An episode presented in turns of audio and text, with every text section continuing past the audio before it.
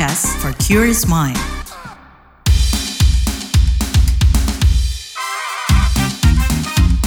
What's Trending KBR Pagi, siaran pagi radio paling update.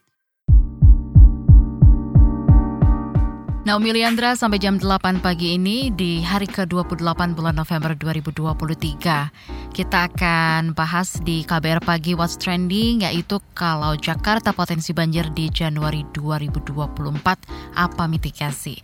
Dan dari Badan Meteorologi, Klimatologi, Geofisika BMKG juga memang sudah mewanti-wanti potensi banjir Jakarta pada Januari mendatang hingga Februari 2024 berdasarkan riwayat di tahun-tahun sebelumnya. Kenapa bisa terjadi seperti itu?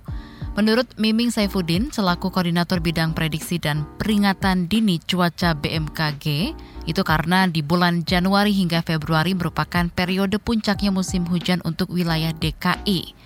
Miming menyebut secara historis banjir di Jakarta punya lokasi yang bervariasi, tapi kebanyakan ada di Jakarta Utara, meski menurutnya perlu lagi analisis lebih lanjut apakah kejadian banjir pada waktu-waktu tersebut berbarengan dengan kondisi rob. Penjabat PJ Gubernur DKI Jakarta, Heru Budi Hartono juga berharap semoga musim hujan itu tidak berpotensi sampai membuat banjir besar di ibu kota.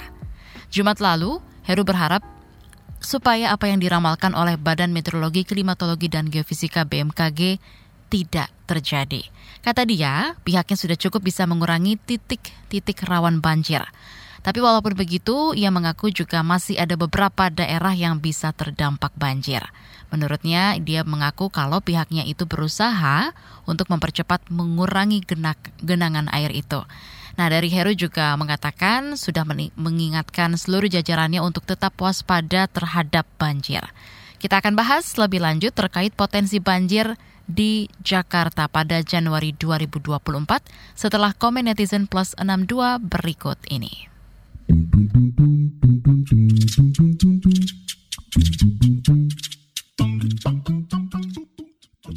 Yang pertama ada dari Ed Ria XX. Siap-siap, banjir at XZXX. Trauma gue tahun lalu banjir gede at Oli XX. Dan kayaknya confirm sekarang udah masuk musim hujan yang gak jauh-jauh deh nanti nyiapin jas hujan, beli payung, sering ke laundry express, sering ke car wash buat nyuci mobil dan motor, potensi banjir, sering mandi air anget, sering makan mie rebus, minum hot coffee. At Aul XX, seperti hujan lebat, angin kencang, dan potensi banjir. Tetap waspada dan amankan barang-barang di sekitar rumah. At XX, masyarakat untuk tetap waspada terhadap potensi banjir dan longsor, jaga keselamatan dan pastikan selalu mengikuti perkembangan cuaca melalui sumber resmi seperti BMKG. Stay safe everyone. Lalu ada cuitan at DinXX. Masyarakat untuk tetap waspada terhadap potensi banjir dan longsor akibat hujan lebat ini. Jangan lupa juga untuk selalu membawa payung atau jas hujan saat keluar rumah ya teman-teman. At NorXX. Hujan sekarang ngeri bener. Domisili gue yang biasanya nggak pernah banjir, kemarin banjir di mana-mana. Terakhir ada cuitan at VioXX. Om, kelihatannya selain urusan penanganan banjir, yang mesti disadari juga perubahan iklim makin nyata nih di Malang. Berapa tahun lalu itu hujan badai angin kenceng nggak sesering sekarang, paling cuma 1-2 kali dalam satu periode musim hujan, sekarang bisa tiap minggu. What's Trending KPR Pagi, siaran pagi radio paling update. Potensi banjir di Jakarta pada Januari 2024 di What's Trending KBR Pagi. Dari Koordinator Bidang Prediksi dan Peringatan Dini Cuaca BMKG, Miming Saipudin menjelaskan potensi banjir di ibu kota pada awal tahun 2024. Ini penjelasannya di acara kesiapsiagaan menghadapi musim hujan di Provinsi DKI Jakarta secara daring 15 November 2023 lalu evaluasi curah hujan ekstrim dan banjir wilayah Jabodetabek. Jadi saya coba meng, mencari historis meskipun tidak lengkap ya eh, historisnya, tapi paling tidak ini memberikan gambaran bahwa selama periode 1918 hingga 2005, 2020 di catatan saya, kita perhatikan di Di periode kejadian banjirnya itu adalah di periode Januari dan Februari. Kita perhatikan kejadian banjir besarnya itu di periode Januari dan Februari di wilayah DKI Jakarta. Kenapa bisa seperti itu terjadi? Karena memang di bulan Januari Februari tersebut itu adalah periode puncaknya musim hujan untuk wilayah DKI. Nah, sekarang untuk e, tahun ini seperti apa nanti kita lihat. Nah, kemudian kita bisa melihat bahwa fenomena yang menyebabkan atau memicu uh, fenomena meteorologis yang memicu kondisi tersebut, cuaca ekstrim tersebut yang berdampak pada curah hujan yang besar tersebut di DKI. Ya di sini ada concert ya. Concert itu seruakan dingin, monsunnya kuat ya. Kemudian ada MJO, kemudian Borneo Vortex. Borneo Vortex itu fenomena yang ada di wilayah Laut Cina Selatan. Kemudian ada pertemuan angin. Nah ini fenomena-fenomena yang berdasarkan analisis uh, historis ini, saya menilai bahwa untuk wilayah DKI Jakarta ketika muncul fenomena ini ini yang harus diwaspadai karena dari historisnya juga ternyata berdampak pada potensi banjir yang cukup besar ya di beberapa wilayah karena ketika ketika MJO tersebut kemudian monsunnya kuat kemudian seruakan disertai seruakan dingin kemudian nanti secara lokal juga berpengaruh itu hujan ekstrimnya itu tidak hanya terjadi satu hari saja bisa paling enggak dua atau tiga hari itu bisa berlanjut. Yang justru itu dari pengalaman e, banjir besar di wilayah e, eh, DKI Jakarta itu kejadian hujannya tidak hanya satu hari gitu kan. Tapi bisa bisa apa namanya akumulasi dari beberapa hari yang kemudian tanahnya menjadi jenuh setelah jenuh ya ketika dikasih hujan ringan pun sedikit ya dia karena sudah jenuh ya nggak bisa masuk resapan gitu kan. Nah itu yang terjadi seperti itu. Tapi memang kalau analisis terkait dengan banjir tentunya sangat kompleks ya pembicaraan. Tapi dari sisi meteorologi seperti itu. Sementara itu, Kepala Pusat Data Informasi dan Komunikasi Kebencanaan BNPB Abdul Muhari mengatakan kejadian pada pekan ketiga November didominasi bencana banjir. Meskipun fenomena El Nino diprediksi masih terjadi hingga Maret atau April, namun cuaca juga akan didominasi hujan dengan intensitas sedang hingga tinggi yang berpotensi menyebabkan bencana hidrometeorologi seperti banjir. Berikut pernyataannya melalui kanal YouTube BNPB 20 November 2023. Mulai dari awal November kemarin, eh, kita sudah merasakan sangat signifikan dari eh, yang kita alami di Oktober. Kita ada di puncak eh, kemarau, kita masih berbicara kekeringan, kesulitan air, krisis dan lain-lain, karhutla. Di awal November sampai saat ini situasinya berubah sangat drastis, demikian signifikan dari tren mingguan yang biasanya karhutla mendominasi sekarang uh, banjir, banjir bandang dan cuaca ekstrim. Cuaca ekstrim sangat sering frekuensinya dan cuaca ekstrim ini uh, tidak bisa lagi dipandang uh, mungkin angin puting beliung biasa Betul. karena dampak yang diakibatkan sangat signifikan. Dan terakhir nanti mungkin kita akan melihat seperti janji kita kemarin Mbak nanti kita akan melihat satu-satu setiap provinsi uh, tingkat kerentanan, kerawanan, dan uh, data historis untuk kejadian bencana hidrometeorologi basah supaya benar-benar bisa kita mempersiapkan diri sebelum puncak musim hujan di Januari nanti. Ini gambaran kejadian bencana kita sepekan terakhir 13 sampai 19 November mulai tanggal 20 hari ini kita masuk pada uh, 10 hari terakhir uh, dasarian ketiga di bulan uh, November. Nah, di sini kita lihat proporsi kebakaran hutan dan lahan sudah sangat minim, sudah sangat uh, kecil. Uh, artinya meskipun kita menyampaikan bahwa El Nino akan masih berpengaruh sampai mungkin Maret atau April dari uh, hujan dengan intensitas sedang hingga tinggi itu akan mewarnai atau menentukan tipikal bencana hidrometeorologi basah yang akan kita alami. Uh, banyak pertanyaan. Jadi kira-kira kalau memang El Nino itu sampai ke Maret April, pengaruhnya apa terhadap musim hujan? Kok banjir-banjir juga gitu? Uh, mungkin sobat tangguh bisa merasakan ketika uh, siang hari atau pagi hari uh, intensitas atau pada saat UV maksimal uh, derajat kepanasannya kira-kira ya uh, mungkin atau uh, cuaca pada saat tidak hujan itu tetap lebih tinggi dari rata-rata biasa tanpa El Nino. Jadi pengaruhnya ada di situ.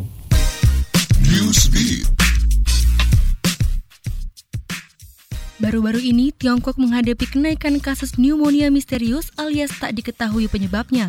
Beberapa rumah sakit kebanjiran pasien anak yang sakit imbas penyakit pernapasan misterius. Banyak dari mereka yang terinfeksi mengalami peradangan paru-paru hingga demam tinggi namun tak mengalami batuk atau gejala lain yang menandakan penyakit flu atau infeksi pernapasan lainnya. Organisasi Kesehatan Dunia WHO telah mendesak warga Tiongkok untuk mengenakan masker, menjauhi orang sakit, dan tetap di rumah jika merasa tak sehat. Hamas ingin memperpanjang gencatan senjata dengan Israel. Dikutip dari CNN, ini merupakan upaya Hamas agar bisa membebaskan lebih banyak sandera. Sebelumnya, Israel dan Hamas menyepakati gencatan senjata selama empat hari yang dimulai pada 24 November lalu. Ini adalah gencatan senjata pertama dalam konflik tersebut sejak Hamas melancarkan serangan ke Israel Selatan pada 7 Oktober silam. Konflik itu menewaskan 1.200 orang dan menyandera sekitar 240 orang. Kesepakatan yang dinegosiasikan Qatar antara Israel dan Hamas menetapkan bahwa 50 perempuan dan anak-anak yang disandra oleh Hamas harus dibebaskan melalui gencatan senjata empat hari. Imbalannya adalah Israel akan membebaskan 150 tahanan anak dan perempuan Palestina. Sumber Hamas mengatakan bahwa mereka tertarik untuk memperpanjang gencatan senjata selama 2-4 hari. Ini berarti akan ada 20-40 sandera lagi yang mungkin akan dibebaskan minggu ini. Sejauh ini, Hamas telah membebaskan 39 sandera Israel.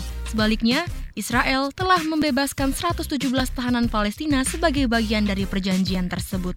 Dominika di wilayah Karibia akan melarang penangkapan ikan komersial dan kapal-kapal besar di area lepas pantai barat pulau. Hal ini menyusul rencana negara ini membuat cagar alam pertama di dunia buat paus sperma. Jumlah paus sperma di Dominika terus menurun selama 20 tahun terakhir, sehingga membuat spesies ini berada di bawah ancaman. Paus sperma memiliki jangkauan global terluas dari semua spesies mamalia laut. Namun, Laut di lepas pantai Dominika menjadi salah satu tempat di mana spesies ini dapat ditemukan sepanjang tahun. Wisatawan dapat melihat paus dari atas kapal dan bahkan berenang bersama mereka. Namun jumlahnya akan dibatasi berdasarkan peraturan baru.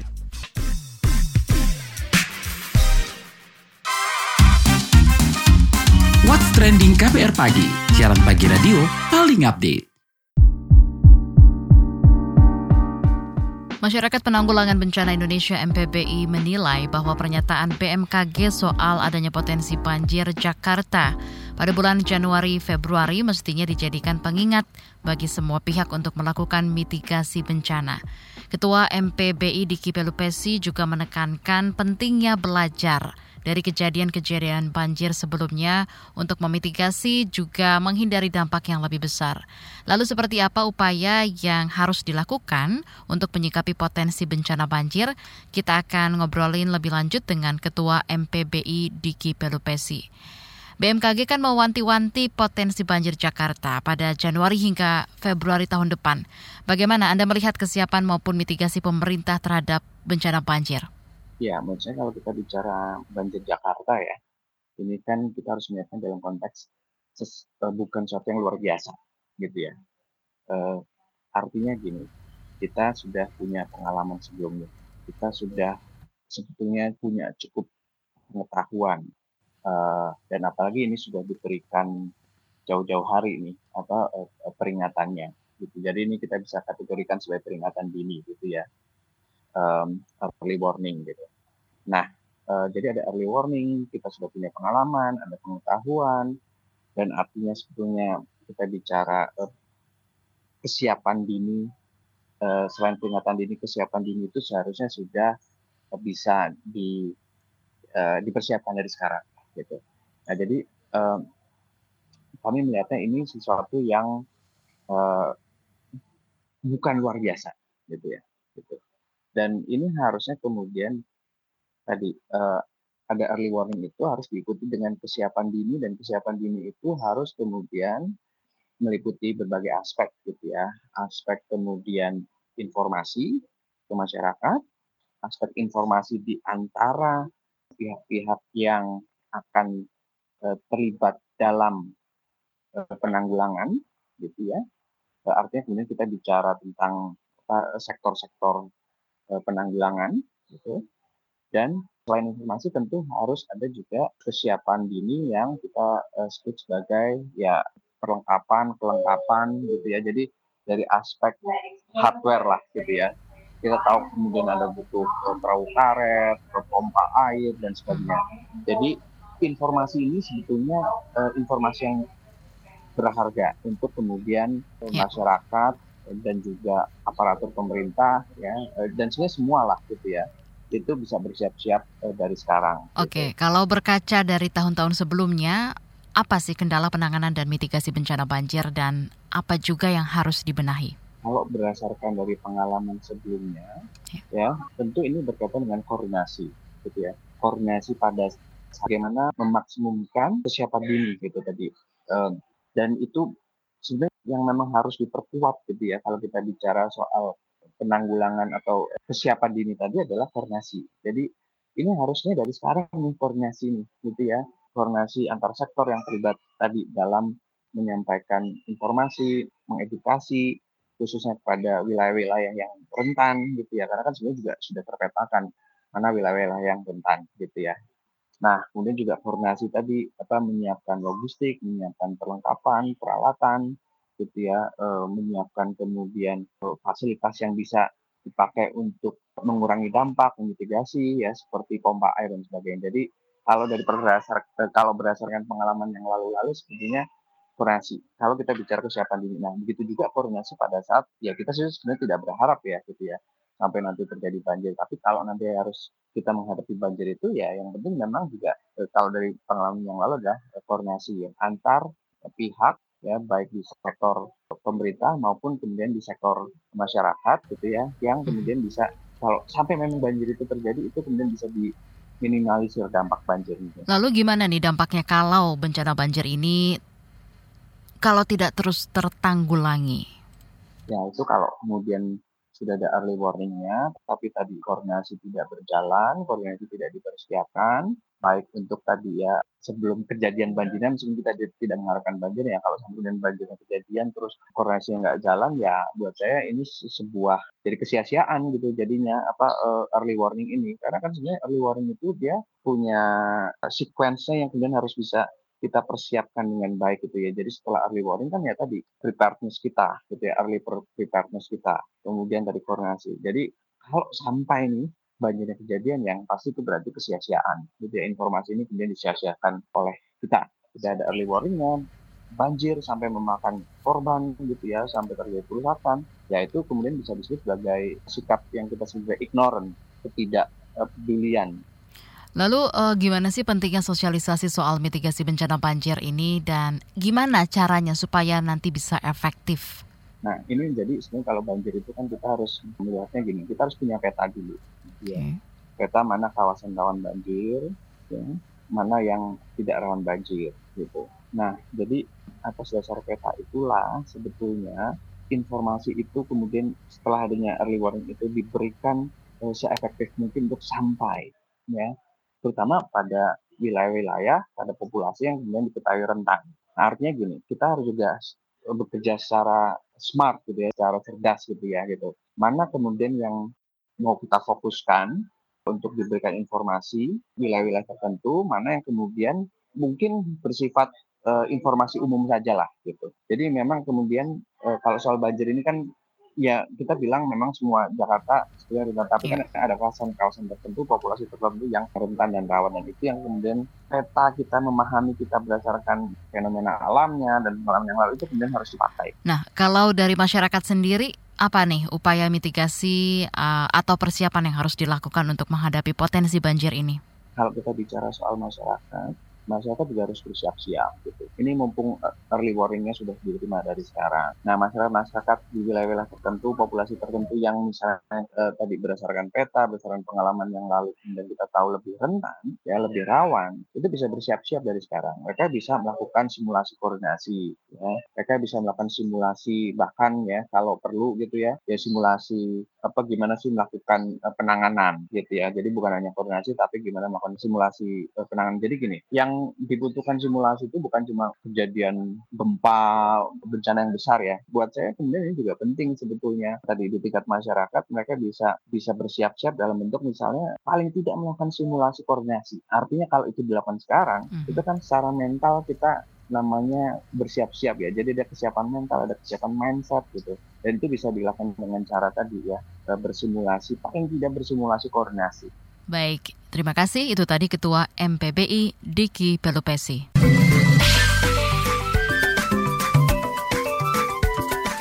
WhatsApp Indonesia. WhatsApp Indonesia dimulai dari Lampung. Suaka Rino Sumatera Taman Nasional Waikambas SRSTN WK Lampung rayakan kelahiran seekor bayi badak berjenis kelamin jantan pada Sabtu 25 November 2023 lalu. Bayi badak tersebut dinamakan Delila sama dengan nama induknya. Direktur Jenderal Konservasi Sumber Daya Alam dan Ekosistem KSDAE, Kementerian Lingkungan Hidup dan Kehutanan KLHK Satiwan Pudiatmoko menyebut kondisi induk dan anak badak terpantau baik. Bayi badak sudah dapat berdiri tegak dan berjalan. Anak-anak badak Sumatera hasil program pengembangbiakan di SRSTNWK ke depannya dapat dilepas liarkan kembali ke habitat alaminya. SRS TNWK dikelola oleh Balai Taman Nasional Waikambas bersama Yayasan Badak Indonesia dan berlokasi di zona khusus. Tujuannya untuk menghasilkan anak badak Sumatera untuk mempertahankan keberlangsungan hidup spesies tersebut yang kini terancam punah. Selanjutnya menuju Sulawesi. Menyusul bentrokan antara dua kelompok massa, dua tokoh agama kota Bitung, Sulawesi Utara membuat kesepakatan damai. Kedua tokoh itu adalah pendeta Raymond Manopo dan tokoh muslim Abdullah bin Ali bin Smith. Keduanya tergabung dalam Forum Kerukunan Umat Beragama FKUB dan Badan Kerjasama Antar Umat Beragama Kota Bitung. Sebelumnya, bentrokan terjadi antara dua ormas pada Sabtu lalu. Salah satu ormas menggelar aksi dukungan terhadap Palestina, sedangkan ormas lain sedang memperingati HUT ke-12. Dalam rangka video yang viral di media sosial, tampak kedua kelompok ormas bentrok dan saling serang. Terakhir, mampir Jakarta. Kementerian Komunikasi dan Informatika Kominfo sedang menyiapkan panduan agar organisasi atau perusahaan yang menggunakan teknologi kecerdasan buatan atau artificial intelligence atau AI di Indonesia bisa memanfaatkannya secara etis. Wakil Menteri Komunikasi dan Informatika Wamen Kominfo, Nezar Patria mengatakan bahwa pedoman etika AI tersebut nantinya akan berupa surat edaran atau SE. Menurutnya, SE ini penting karena akan menjadi pelengkap dari UU ITE dan UU PDP. Dengan SE diharapkan bisa untuk mengantisipasi penerapan dan regulasi AI untuk tahap awal. Meski begitu, Nezar menambahkan bahwa pihaknya tidak ingin membatasi inovasi AI, namun tetap meminimalisir risiko yang ada dari teknologi tersebut. Kata Nezar, SE juga akan melihat masukan-masukan dari berbagai stakeholder dan pemangku kepentingan terkait draft pedoman etika AI sehingga rencananya pada awal Desember 2023 bisa diterbitkan. Demikian WhatsApp Indonesia hari ini.